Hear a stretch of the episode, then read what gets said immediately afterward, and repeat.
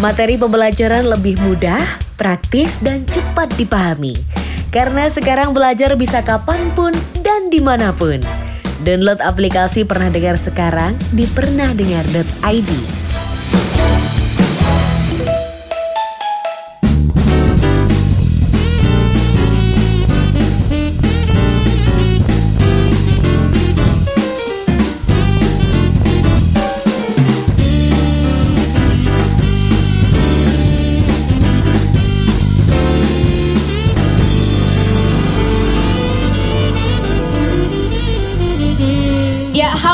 semuanya listener, balik lagi sama aku Wulan Indriani di sesi Bingkai Suara dan tentunya aku juga sudah dengan idol yang wah keren banget sih. Aku lagi sama Kak El Matu. Yeay. Hai Kak El Hey. Matu. Gimana kabarnya? Aku baik-baik, Wulan gimana kabarnya? Sehat-sehat? Baik dong, pasti sehat karena sehat itu penting banget kan KL ya, apalagi di kondisi pandemi yang aduh serba harus dijaga banget gitu loh. Yes. Ini harus sehat, harus bahagia. Mm-mm, bener bener bener. Jadi eh, buat listener ya, mungkin yang suka banget main atau scroll TikTok nih, nah pasti sering banget ya ngedengerin lagunya KL, keputer di banyak banget konten orang-orang. Nah sekarang waktunya kita lebih mengenal lagi sosok KL dan tentunya untuk single yang kesekian kalinya nih yang udah dirilis setelah Valentine tahun ini, ini udah rilis lagu judulnya Kekasih. Wey, congratulations KL. Banyak. Oke oke. btw gimana nih rasanya? Sebenarnya kan kalau bicara soal rilis single itu kan udah bukan hal pertama ya, bukan single perdana, tapi udah kayak yang kesekian kali. Masih ada hal spesial kayak happy banget gitu nggak sih setelah rilis itu, Kyle? Eh, masih ada pasti deg-degannya ya, karena bagaimanapun juga Oh, ini karyaku, maksudnya eh, ini anggaplah anakku gitu. Ini udah kayak anak kan, dan akan selamanya gitu orang eh, akan ada di di internet. Oh ya Elma tuh pernah ngeluarin single ini. gitu. Jadi pasti tetap ada deg-degannya, pasti tetap aja bahagianya. Karena emang kemudian setelah ngejalanin proses rekaman, aku jadi jadi suka aja gitu rekaman eh, proses rekaman tuh aku suka karena kemudian jadi belajar hal sebenarnya gitu. Oke, ya nanti kita obrolin lah ya. btw KL ini posisi lagi di mana nih? Di Jakarta ya? Aku posisinya lagi di Jakarta. Oh, berarti LDRan dong sama keluarga. Keluarga bukannya di Makassar ya? Iya betul. Eh, eh, papa mamaku lagi di Makassar. Kebetulan adik-adik aku juga ada di sini ya. Maksudnya setidaknya kami tinggal satu tempat dan masih bisa ketemu lah. Ya, hmm. Oke, kayaknya kalau KL sendiri ini deket banget ya sama mama karena banyak sekali quality time yang di up gitu sama mama. Seberapa deket sih sama mama sebenarnya kalau KL sendiri? Eh, mama tuh temen curhatku yang paling pertama. Jadi kalau tahu semua rahasia, I mean semua bahkan hal yang sebenarnya eh, harusnya biasanya eh, mama kita tuh nggak tahu gitu. Kalau Ya. sama aku pasti cerita ke mama. Oh, seterbuka itu ya? Iya, seterbuka itu karena eh, sudut pandangnya mama pasti berbeda. Apalagi kalau urusan cinta gitu, kan mama cewek, jadi mama mengerti. Pakar cintanya. Iya, jadi emang emang udah pasti gitu ngobrol dan ceritanya itu panjang. Oh, iya sih, apalagi KL kan cowok kan biasanya nih kalau kebanyakan di luar sana cowok itu deketnya sama mama gitu. Dan Mama Luna ya, Mama Luna ya panggilannya. Yes. Mama Luna ini kalau manggil KL bukan KL ya, tapi Kak Ariel. Panggilan tengahnya. Pak iya, panggilannya Ariel atau enggak Nyong. Oh, Nyong, itu panggilan sayang dari Mama atau emang dari kecil circle pada panggil Kak Nyong gitu atau gimana sih? Eh, circle aku tuh manggil aku Bung. Oh, Kalau iya. Mama tuh manggil aku Nyong, cuman Mama doang sih sebenarnya yang manggil aku. Iya, iya, iya. Nah, kalau bicara soal mama, ya, kita masih belum ke single nih. Kalau bicara soal mama, kapan sih terakhir kali meet up gitu, yang benar-benar ketemu terus ngobrol bareng, sharing bareng gitu, yang deep talk gitu? Eh, terakhir tuh ini Natal dan tahun baru kemarin aku minta mama sama semua dede aku dan papaku juga untuk ke Jakarta. Jadi Oh, kita oke. Spend Christmas sama New Year's itu bareng-bareng gitu. Hmm. Aku uh, ngambil kerjaan kita sama-sama keluarga gitu Iya, oke. Okay. Tapi yang jelas meskipun semua pada sibuk-sibuk sendiri dengan KL jadwal yang super padat kayak gitu, tetap dia ada yang namanya quality time gitu. Quality time buat keluarga, wes. Bisa dicontoh nih buat listener nih yang super sibuk, nggak ada ceritanya yang namanya sibuk. Yes. Ada priority time Betul. gitu. Oke oke. Kalau kita bicara soal musik nih KL sebenarnya dari orang tua itu ngedukung banget atau justru sebaliknya? Dulu uh, justru tidak tidak mendukung ya. Maksudnya uh, papa mamaku seperti uh, orang tua pada umumnya itu pengen hmm. anak sekolah tinggi. Oh uh, iya, iya. Ya yang uh, ke polisi lah atau apa. Pakai seragam gitu ya? Iya, yang kayak gitu gitulah. Uh, aku dari dulu pengen banget. Aku dari dulu tidak merasa itu jadi bagian dari hidupku. Kayak uh, akhirnya aku bermusik melawan orang tuaku. Wih. Tapi setelah berjalan lama, hmm? setelah ikut ajang pencarian bakat, akhirnya orang tuaku menerima dan mendukung 100% keputusan untuk jadi musisi. Yang penting aku bisa tanggung jawab. Oh oke, okay. ini golongan orang-orang yang sebenarnya denial gitu ya, kayak apa namanya orang tuanya ini udah ngarahin nih, tapi kayak sorry aku ada jalan sendiri tapi keren sih. Kayak KL itu udah men, apa namanya menunjukkan gitu loh kalau ternyata emang jalannya yang dipilih itu bener dengan yang sekarang ini ya. Udah yeah. terkenal gitu. Siapa sih nggak kenal Elmer itu gitu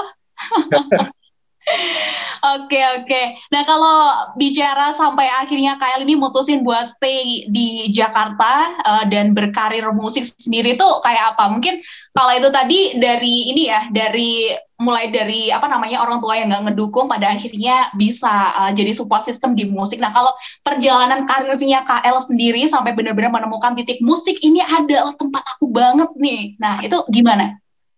Um, kalau perjalanan musik aku, kenapa aku kemudian milih musik ya? Karena dari kecil tuh aku udah biasa nyanyi di gereja. Oke. Okay. Mm -hmm. Dosa tuh udah gereja gitu. Bahkan yeah. sebelum pun udah gereja gitu. Dan nyanyi di gereja itu udah jadi bagian dari hidupku. Aku hmm? suka gitu ada di depan depan orang dan nyanyi. Kemudian kayak uh, waktu SMA sempat ngikut uh, festival yang kayak gitu-gitu oh, lah. Iya. Terus kayak kayaknya emang kalau misalnya jalurku bukan jalur pendidikan, misalnya kalau misalnya aku pintar-pintar banget, setidaknya ada prestasi yang bisa aku kejar gitu. oke oke boleh boleh boleh gitu ya alasannya. Tapi kalau iya. soal mm, kalau soal musik itu sebenarnya KL ada nggak sih kayak aku look up banget nih sama si A si B si C gitu idolanya? Uh, ada lah pasti ada. Kalau dari dalam negeri yang paling besar uh, pengaruhnya buat aku mungkin almarhum Bung Glenn ya. Oh oke. Okay. Karena aku melihat ada ada orang yang bisa begitu dia ada di atas panggung, begitu dia uh, ada di atas panggung, dia tuh bisa nyihir semua orang yang nonton dia. Gitu. Ya, benar. Setuju nah, sih. Nah, kita bahkan gak galau itu begitu nonton dia bisa galau dan nangis. Gitu. Iya, benar. iya kan. Bisa iya. itu dia. Buat aku itu kekuatan yang kekuatan musik yang aku pengen kayak gue juga harus kayak gitu. Iya. Makanya itu yang aku kejar. Idola oh. besar tentu udah pasti almarhum. Hmm. Terus uh, coba lagi Dewa 19. Oh iya. Hmm. Uh, Iwan Fals. Aku kebanyakan uh, dengerin yang kayak gitu-gitu kan. Karena teman-temanku juga hmm. dengerin itu. Jadi aku juga dengerinnya gitu. Dan aku suka. Hmm. Maksudnya itu banyak jenis musik dan semuanya tuh uh, yang buat aku kemudian makin suka sama musik itu karena uh, kekuatan liriknya tuh bisa semistik itu buat aku. Ah, oke okay, oke. Okay. Tapi kalau dilihat-lihat nih ya, uh, aku nih, aku sebagai penikmat musiknya KL, sebagai listener itu, uh, kayaknya KL ini emang sengaja banget ya ngajak orang buat galau-galau. Ibarat kata nih, aku lagi nggak apa-apa nih ya, aku lagi falling in love bahkan ngedengerin lagunya KL jatuhnya itu sakit, bapak gitu ya. Iya, itulah maksudnya buat aku itu emang emang itu tujuannya. Buat aku oh, bermusik. gitu ya. Sampaikan hmm. pesan kan, terutama sakit tuh orang harus bisa ngerasain sakit. Ini lagu bahagia, orang harus bisa ngerasain jatuh cintanya tuh kayak apa. Oh, jadi sharing mood lah sama pendengarnya Yeah. gitu. Oke, oke, mantap. Nah, sampai akhirnya dari perjalanan itu juga sempat ikut event gede banget seperti X Factor. Nah, itu gimana tuh ceritanya? Bisa sampai ke sana? Eh, sebenarnya aku tuh Hmm. ngikut Spectre itu iseng. Oh, serius? Ini serius, ini serius. Oke, Eh, oke. aku kayak itu kayaknya udah kelas 3 SMA deh. Itu aku kelas 3 SMA. Orang Hmm. biasanya kelas 3 SMA tuh pada sibuk buat ujian, Ya bener lagi. Aku ikut Factor dan dan puji Tuhannya lolos gitu aku kayak oh lolos. Oke, kita lanjut kita lihat sampai di mana. Sebenarnya tujuan ikutnya itu selain iseng cuman pengen kayak batas kemampuannya itu udah sampai di mana sih? Ya, mm-mm. Karena Iya pasti sih. ada lagi dipelajarin dari ketemu begitu banyak orang. Pasti kita akan belajar sesuatu lah Ya, benar. Gitu. Akhirnya ikutlah X Factor dan Oh. ya lanjut terus. Akhirnya terbentuklah jadi grup dan puji Tuhan jadi juara tiga gitu. Oh, oke oke. Jadi itu dari grup kemudian udah berhasil nih, udah apa namanya dapat achievementnya. Terus akhirnya mutusin buat solo itu gimana tuh? Em, jadi grupnya sempat jalan dua tahun bareng-bareng kita kami berempat jalan eh, bareng-bareng terus mutusin kayak kayak kita kejar mimpi masing-masing dulu deh Oh iya iya. karena kayak nggak semua dari kami berempat yang punya Hmm. mimpi itu ada di musik Oh iya. mm-mm. Oke. dan itu lagi di umur yang mencari jati diri sebenarnya buat aku kayak aku tahun kita nggak beda-beda jauh gitu Oke. umur yang kita pengen nyari sampai di mana jalannya jalan Hmm. hidup kayak apa sih nah makanya bubar Eh, Oh. vakum lah ya setelah grupnya vakum akhirnya aku oke grupnya sekarang udah vakum gue harus Hmm. cari cara gimana gue tetap bisa bermusik Ya. akhirnya eh, mulainya dari ngeband dulu tentunya kayak aku nyari sempat ngamen juga Oh, Terus- Oke. Mm.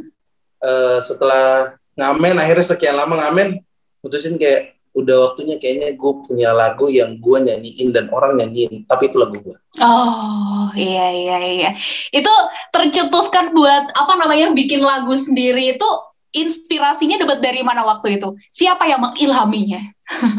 Nge- om aku sebenarnya ada Oh, eh, ya, salah satunya mama ya mungkin yang paling deket tuh aku dulu waktu di Makassar itu tinggalnya sama mama tapi tiap hari sama om aku om aku dulu anak band juga dan dia pernah orang dia selalu bawain lagunya sendiri Oke. heeh. oke setelah ngobrol-ngobrol terus kayak kayaknya udah waktunya deh gue punya lagu sendiri Iya. akhirnya tulis lagu lah sendiri dan Hmm. dan dia juga udah bilang cara paling gampang menulis lagu mungkin itu ngambilnya dari yang deket-deket dulu nih. dari pengalaman pribadi pengalaman teman akhirnya belajar lah menulis lagu gitu Iya. Boleh tahu nggak eh, dulu nih ya dulu eh, lagu yang awal banget ditulis yang masih kayak awal banget pertama banget yang ditulis itu soal apa? eh eh, eh, Yuk yuk yuk masih ingat masih ingat? Mas Soal apa waktu itu? Apakah lagi putus cinta atau Enggak. lagi eh, enggak ya? soal cinta I mean Mm-mm. se- persal ya Oh, kayak oke. soal cinta tuh seindah apa Oh, oke oke. Mm, mm, mm. jadi tidak tidak ke orang lain tidak Ya. ke kayak cinta tuh apa sih gitu Nah, mm, mm. Oh iya iya, lebih ke definisi cinta tapi versinya KL Matu gitu. Ya. Oke. betul Dan uh, listener juga pasti udah tahu ya terhitung sampai sekarang ini sebenarnya sudah banyak banget karya yang dibuat oleh KL Matu. Ini kalau misalnya aku ada yang salah boleh dikoreksi KL ya. Jadi uh, di tahun 2016 tuh ada ternyata cantik. Itu. Yes. Oke. Terus di tahun 2020 itu ada aku yang salah yang pertama terus ada bukan dia untukku. Kemudian dilanjut di tahun 2021 ini kayaknya banyak banget ya. Ada idola hati, kenanglah, takkan ada cinta yang lain. Ini sama Ahmad Dhani bukan sih? iya betul takkan ada Oh. cinta lah Dewa 19 Oh iya, oke oke. Terus dilanjut ada lagu judulnya Kosong tahun 2021. Dan yang terakhir nih pas waktu Valentine itu ngerilis lagu judulnya Kekasih gitu. Dan kalau kita bicara sama karya-karya yang udah dilahirkan ya, karena ini kan uh, gimana pun ini adalah uh, anak gitu ya, anak spesial yang sudah terlahirkan. Nah, dari sekian nih KL yang paling KL banget itu yang mana sih? Yang lagunya nih, nih aku banget nih gitu. Aku nggak bisa memilih, itu kayak memilih antara eh, anak yang paling disayang nih yang mana. Oh, nah, ya, iya ya uh, lagu yang mana yang aku banget ya karena yeah. Iya. uh, dari awal dikasih dengar lagunya didengerin lagunya aku gak aku nggak akan terima kalau misalnya aku tidak bisa relate sama lagunya oh, oh oke okay. mm. pasti aku harus suka lagunya dulu dong untuk bisa ngerasain feelnya mm. seperti apa itu aku harus suka dulu lagunya dan oh. beruntungnya adalah aku ketemu orang-orang yang bisa support aku untuk ke arah situ gitu yang percaya sama oh ya El bisa nyanyi apa yang dia suka dan bisa menyanyikannya dengan benar dan baik gitu. Dan KL, BTW kalau misalnya kita lihat ya dari lagu ke lagu ini tuh kayak uh, jalan gitu, maksudnya uh, relate ya. Mulai dari ternyata cantik, kayak aku tuh mikirnya ini ternyata cantik tuh pertemuan seorang cowok sama cewek yang kayak ih ini nih one and only kayak ini adalah uh, cinta pertamaku terus dilanjut aku yang salah kayak oh oke okay, aku salah orang terus uh, bukan dia untuk kayaknya bukan dia dia untuk gimana sih sebenarnya boleh dong diceritain aku pengen tahu banget nih oke okay. Wah, uh, aku sebelumnya nggak ada yang pernah ngeh kalau misalnya ternyata cantik tuh uh, sebenarnya bisa relate ke aku yang salah. Ternyata oh, gitu. mm -hmm. oh rilisnya 2016, eh, 2016 itu udah lama banget gitu. Yeah. Dan yang sebenarnya ada trilogi itu mulainya dari aku yang salah ke okay. bukan aku ditutupnya sama kenang lah. Mm, yeah. ya ditutupnya sama kenang lah. Uh, habis itu kita mikir kalau kita mau bikin cerita tuh bisa seperti apa sih? Nah kebetulan dapat kesempatan untuk uh, lagunya Dewa 19 ya yang nah, yang mana? Yang kosong dan tekanan dari cinta yang lain dapat dua lagu Oh oke, okay. Hmm, hmm, hmm. tahun 2021 ya? Ya, dan itu masih relate kan? Uh, dalam maksudnya ini bayanganku sendiri ya. Aku pengen orang begitu dengerin El Matu, mereka tuh lagi dengerin El Matu bercerita, tidak cuma lagi oh. Jadi kayak dari lagu per lagu tuh orang kayak dari sakit bisa tambah sakit, lalu sakit banget. kayak, ya udahlah, iya. gitu bisa gitu gitu. Maksudnya itu kan okay. bagian proses hidup kan. Dan buat hmm. aku menyatakan kalau misalnya bisa bercerita tentang ini proses hidup aku loh kayak gitu. Oke, okay. wih, emang ternyata ini udah disengajain gitu loh kayak perjalanan. Karena yang namanya perjalanan cinta tuh kayak ya kayaknya nggak akan mulus-mulus banget deh. Yang namanya cinta, iya nggak sih? Iya, bener, bener aku tuh kayak ngerasa pasti pendengar uh, pendengarnya KL iri banget ya waktu uh, menciptakan ternyata cantik nih buat lagu nih buat siapa sih kayak beruntung banget nih perempuan diciptain lagu sama sosok Ella Matu gitu loh. uh, uh, ternyata cantik itu kalau nggak salah itu aku uh, itu nulis yang tulis lagunya tuh uh, Om Andre Hehanusa. Oke. Okay. Mm -hmm. Mm-hmm. Uh, lagunya ditulis dan itu kan lagi relate banget pada masa itu gitu. Pada masa oh, itu ada, masih ingat gak sih rasa rasa jatuh cinta itu gimana? Ceritain dong. jatuh cinta tuh kayak uh, suka bikin kita tuh kelihatan kayak orang gila gak sih depan orang lain. Iya. okay, okay. terus tiba-tiba senyum-senyum sendiri, ketawa-ketawa. Iya lagi. kayak kalau lagi deket terus baru-baru jadian. Mm, wah itu aduh milik milik berdua sih dunia ini kayak nggak ada orang lain sih. Lainnya ngontrak. Itu. Kayak dia milik berdua sisanya semua ngontrak gitu. Jadi yeah. dulu gitu kayak uh, dan itu buat aku kayak proses yang selalu menyenangkan gak sih? Kayak jatuh cinta selalu jadi proses yang kayak eh yeah. kayak gini. Padahal udah berkali-kali sakit hati juga. Tapi menemukan jatuh cintanya kayak oh ya worth it kok Um, yang kemarin tuh worth it kok. Gitu. Oke ya, aman ya. Dan kalau kembali ke nulis ya, biasanya kan kalau orang itu kan nulis emang tergantung mood kan Kael ya. Ketika uh, jatuh cinta, mungkin tulisannya itu akan indah banget, bahagia banget, happy lah. Tapi kalau lagi wah berantakan banget nih, habis putus nih, habis habis diselingkuhin nih, ibarat kata kayak gitu, tulisan itu kayak udah menyatu sama hati dan pikirannya penulis gitu. Nah, kalau pertanyaannya ke KL, KL apa namanya? Kalau nulis tuh kayak gitu nggak? Ngerasain itu nggak? Oh, udah pas uh, ide awalnya tuh waktu aku lagi kayak gitu. Oh, Makanya oh.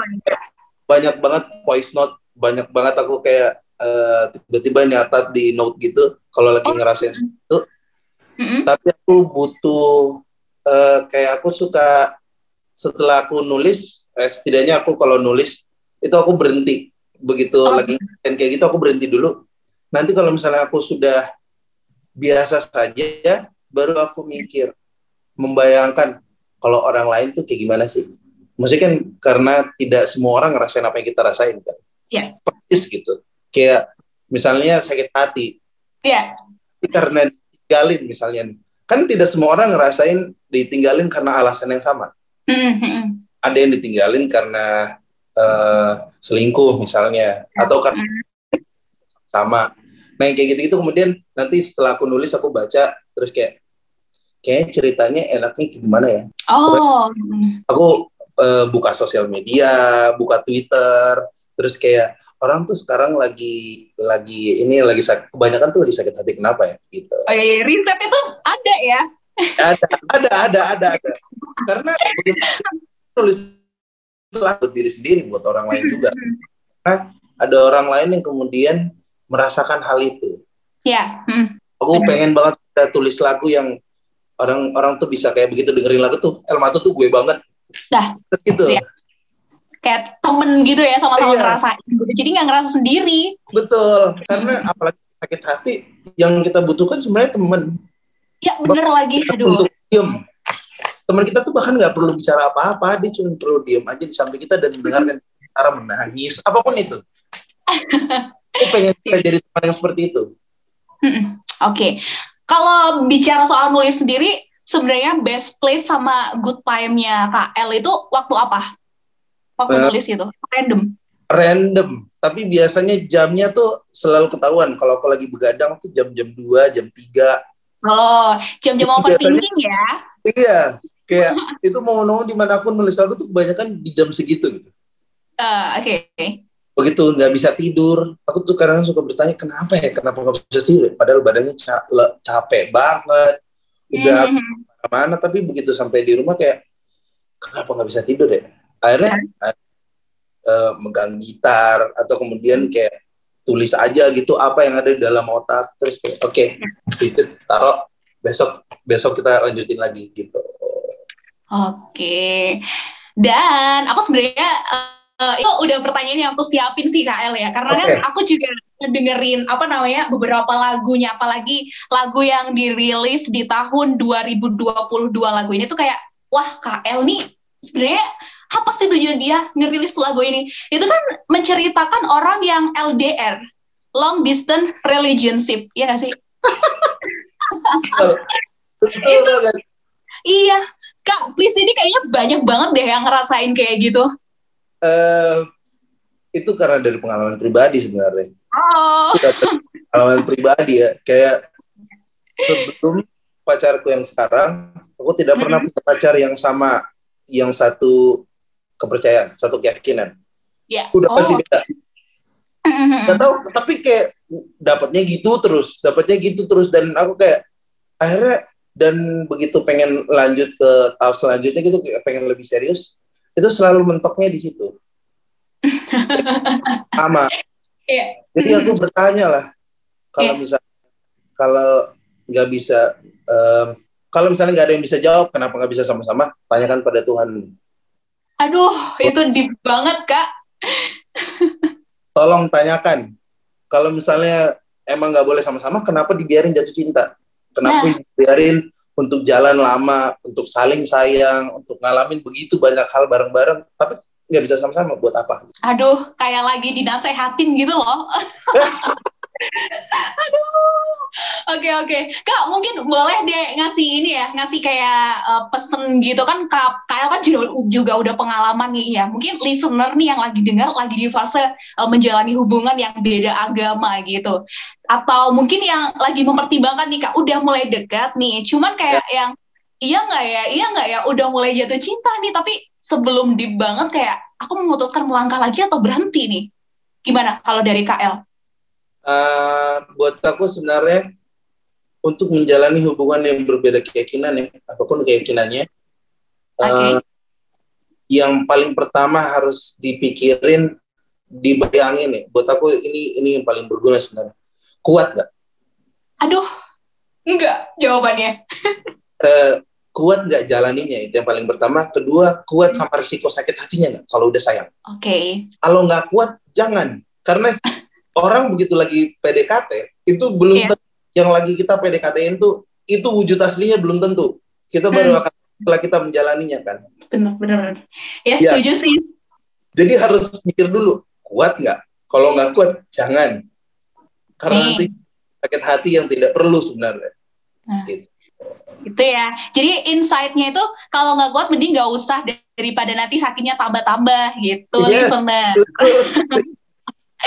Oke deh, dan uh, kita sudahi untuk soal LDR ini, kita balik okay. ke singlenya yang kekasih ya tahun yeah.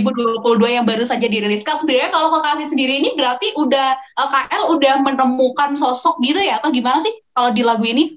Uh, kekasih ini kan recycle dari lagunya Pak Pondok kan. Ini mm -hmm. lagu yang lama banget dan yeah. Iya. uh, kayak setelah semua sakit hati menarik gitu untuk menemukan kayak ada bagian yang boleh nggak sih gue jatuh cinta sama lo? Oh, Oke. Okay. Nggak tahu jawabannya akan iya apa enggak kan? Iya benar. Tuh salah nggak sih kalau gue sayang sama lu? Oh. Ini kan biasa proses PDKT kan kayak gini-gini. Iya. Yeah, yeah. um, kamu marah gak sih kalau misalnya aku cetan sama kamu gini ada yang marah gak sih? Kan suka gitu kan? Oh, berarti masih kayak itu, itu banget. Gitu. Iya, oh, itu sebenarnya jadi ke situ gitu cuman ini lebih ke uh, bayangin di otak aku tuh kayak ini jalan berdua ini belum jadian belum jadian terus kayak ngomong boleh gak sih gue sayang sama lu Hey. Oh gitu. Oh btw Elma tuh lagi di posisi itu ya sekarang ya. uh, enggak kok, udah enggak. Oh, enggak. Oh, ya, setidaknya menjalani itu beberapa bulan yang lalu waktu rekaman itu lagi ngalami yang oh. pas rekaman itu emang lagi ngalamin, lagi berbunga-bunga. Mm. Jadi sekarang lagi menikmati punya hubungan yang menyenangkan, yang saling oh. Gitu. Oke deh, berarti kekasih ini menceritakan masa-masa PDKT seseorang yang kayak masih mulai mengenal lagi. Nah, kalau dari prosesnya nih kayak eh, proses sampai pada akhirnya rilis, boleh sih diceritain gimana perjalanannya kekasih ini? Uh, jadi kekasih ini kayaknya udah dari 2021 awal. Hmm. Okay. Lagunya lagunya udah pengen kayak oke okay, kita kita akan setelah ini semua kita bawain lagu ini nih. Hmm. Udah sempat beberapa kali ganti aransemen musik, beberapa yeah. kali uh, ganti produser juga. Kemudian kayak kayak kita coba ini nih. Kita cobain uh, sama Mas Bembi waktu itu, Mas Bembi. Uh, mungkin bisa gitu dan okay. dan buat aku kayak aku sangat menyukai versi ini gitu kan lagi zaman zamannya Bruno Mars kan oh iya yeah. seru gitu buat aku lagi lagi tis banget nih sekarang nih karena uh, lagi pada doain ke musik-musik kayak gitu gitu jadi yeah. kita coba gitu Oke, okay. ini kalau misalnya listener pada penasaran banget nih sama single ya, single yang kesekian kali, uh, kekasih ini bisa didengerin di mana aja nih Kyle? Uh, bisa didengerin di semua DSP, bisa dengerin di Spotify, Apple mm-hmm. Music, Oke. Okay. Deezer, yeah. lagi bisa juga dicek di YouTube juga ada video liriknya. Oke, okay. video liriknya udah ya. Terus apa namanya kalau lagunya bisa didengerin semua banyak lah intinya. Sekarang pertanyaannya MV-nya kapan nih? Segera. Segera ya. Segeranya Segera. kapan nih? Kayak tadi um, banget. Kita lagi sekarang sebenarnya kayak lagi mikir apa kita mau mau MV-nya karena hmm. bulan ini aku akan keluarin single baru juga. Wey. Ya, jadi kayak bagian dari cerita itu juga. Hmm. Kayak cerita. Um, jadi lagi mikir apa kita bikin video klipnya atau kita langsung move on dulu ke single selanjutnya gitu. Karena kan kayak aku yang salah, hmm. uh, video klipnya baru ada satu tahun setelah rilis kan. Ya. Ya, jadi kayak nanti kita akan lihat orang tuh sukanya kayak gimana. Semua akan balik lagi iya. ke yang dengerin, akan balik lagi ke listener. Uh, mereka maunya seperti apa, gitu. Oke lah, nih sebagai listener dan penikmatnya kayaknya udah deh kak sekalian aja MV oke, lagu baru oke ditunggu. Gak mau rugi ceritanya. ya pokoknya intinya apa pun nanti next yang akan menjadi kejutan buat kita, uh, buat uh, penggemarnya KL Matu ini uh, ini ya bisa uh, bikin KL seneng dan pastinya ditunggu karya-karya kerennya yang lainnya gitu. Aku juga tahun ini pengen keluarin album juga soalnya. Jadi Wih album pertamanya Almatu semoga semuanya berjalan sesuai rencana dan semoga Amin. aku gitu. Amin, pasti insya Allah. Oke, Kak, ini kan kita juga apa namanya udah di kayak akhir gitu ya. Boleh nggak sih spill lagu lagu kekasih uh, eh, KL dikit aja nyanyiin gitu kayak ya udah nyanyi dikit buat kita kita nih. Oke okay, deh. Salahkah bila malam ini aku mengakui jatuh cinta kepadamu. Bolehkah bila malam ini ingin ku katakan aku cinta padamu. Yeay! Ini kayak kalau ya ada orang yang menyatakan cintanya nih kayak kamu mau nggak mau nggak gitu loh. Ya. Oke. Deh intinya sukses terus dan sehat terus karena dengan kondisi sehat maka semuanya itu bisa berjalan dengan lancar dan terima kasih banyak amin amin amin semoga nanti kita bisa ketemu langsung ya amin ya Oke, amin. Semoga nanti bisa ketemu langsung dan mungkin yang paling akhir gitu ya, KL boleh lah ngasih apa namanya advice gitu ya buat teman-teman yang sekarang ini lagi di fase lagunya KL yang kekasih nih. Ada pesan apa nih? Uh, kalau lagi di fase kekasih, nggak hmm. cuman nikmatin rasanya. Oh iya, nikmatin. nikmatin setiap detiknya gitu hargai hargai itu karena orang tuh gampang kehilangan rasa kalau ya. tidak dinikmati gitu kita kadang-kadang suka menyia-nyiakan sesuatu yang buat kita sebenarnya buatku penting nih hmm. Cuma hmm. karena kita nggak uh, kita nggak hargain rasanya kita nggak nikmatin rasanya rasanya perlahan mulai hilang ya yeah. hmm. dan dan itu sebenarnya uh, uh, begitu muncul masalahnya itu begitu rasanya udah mulai hilang kan karena udah pacaran tapi gimana cara masa putus cuma gara-gara rasanya hilang biasanya gitu jadi nikmatin aja rasanya dari aku itu aja Oke, okay, sip itu ya eh, pesan yes. dari Kyle Watu. BTW thank you banget Kyle ya udah nyempetin waktunya buat bingkai suara. Dan terima kasih. Udah diajakin bicara juga. Dan terima kasih juga buat listener ya yang sudah dengerin di sesi ngobrol bareng KL Matu. Jangan lupa dengerin single terbarunya Kekasih ini di semua platform musik sudah disediain dan kita tunggu ya MV-nya. Oke, okay, yes. sampai jumpa. Goodbye. Dah.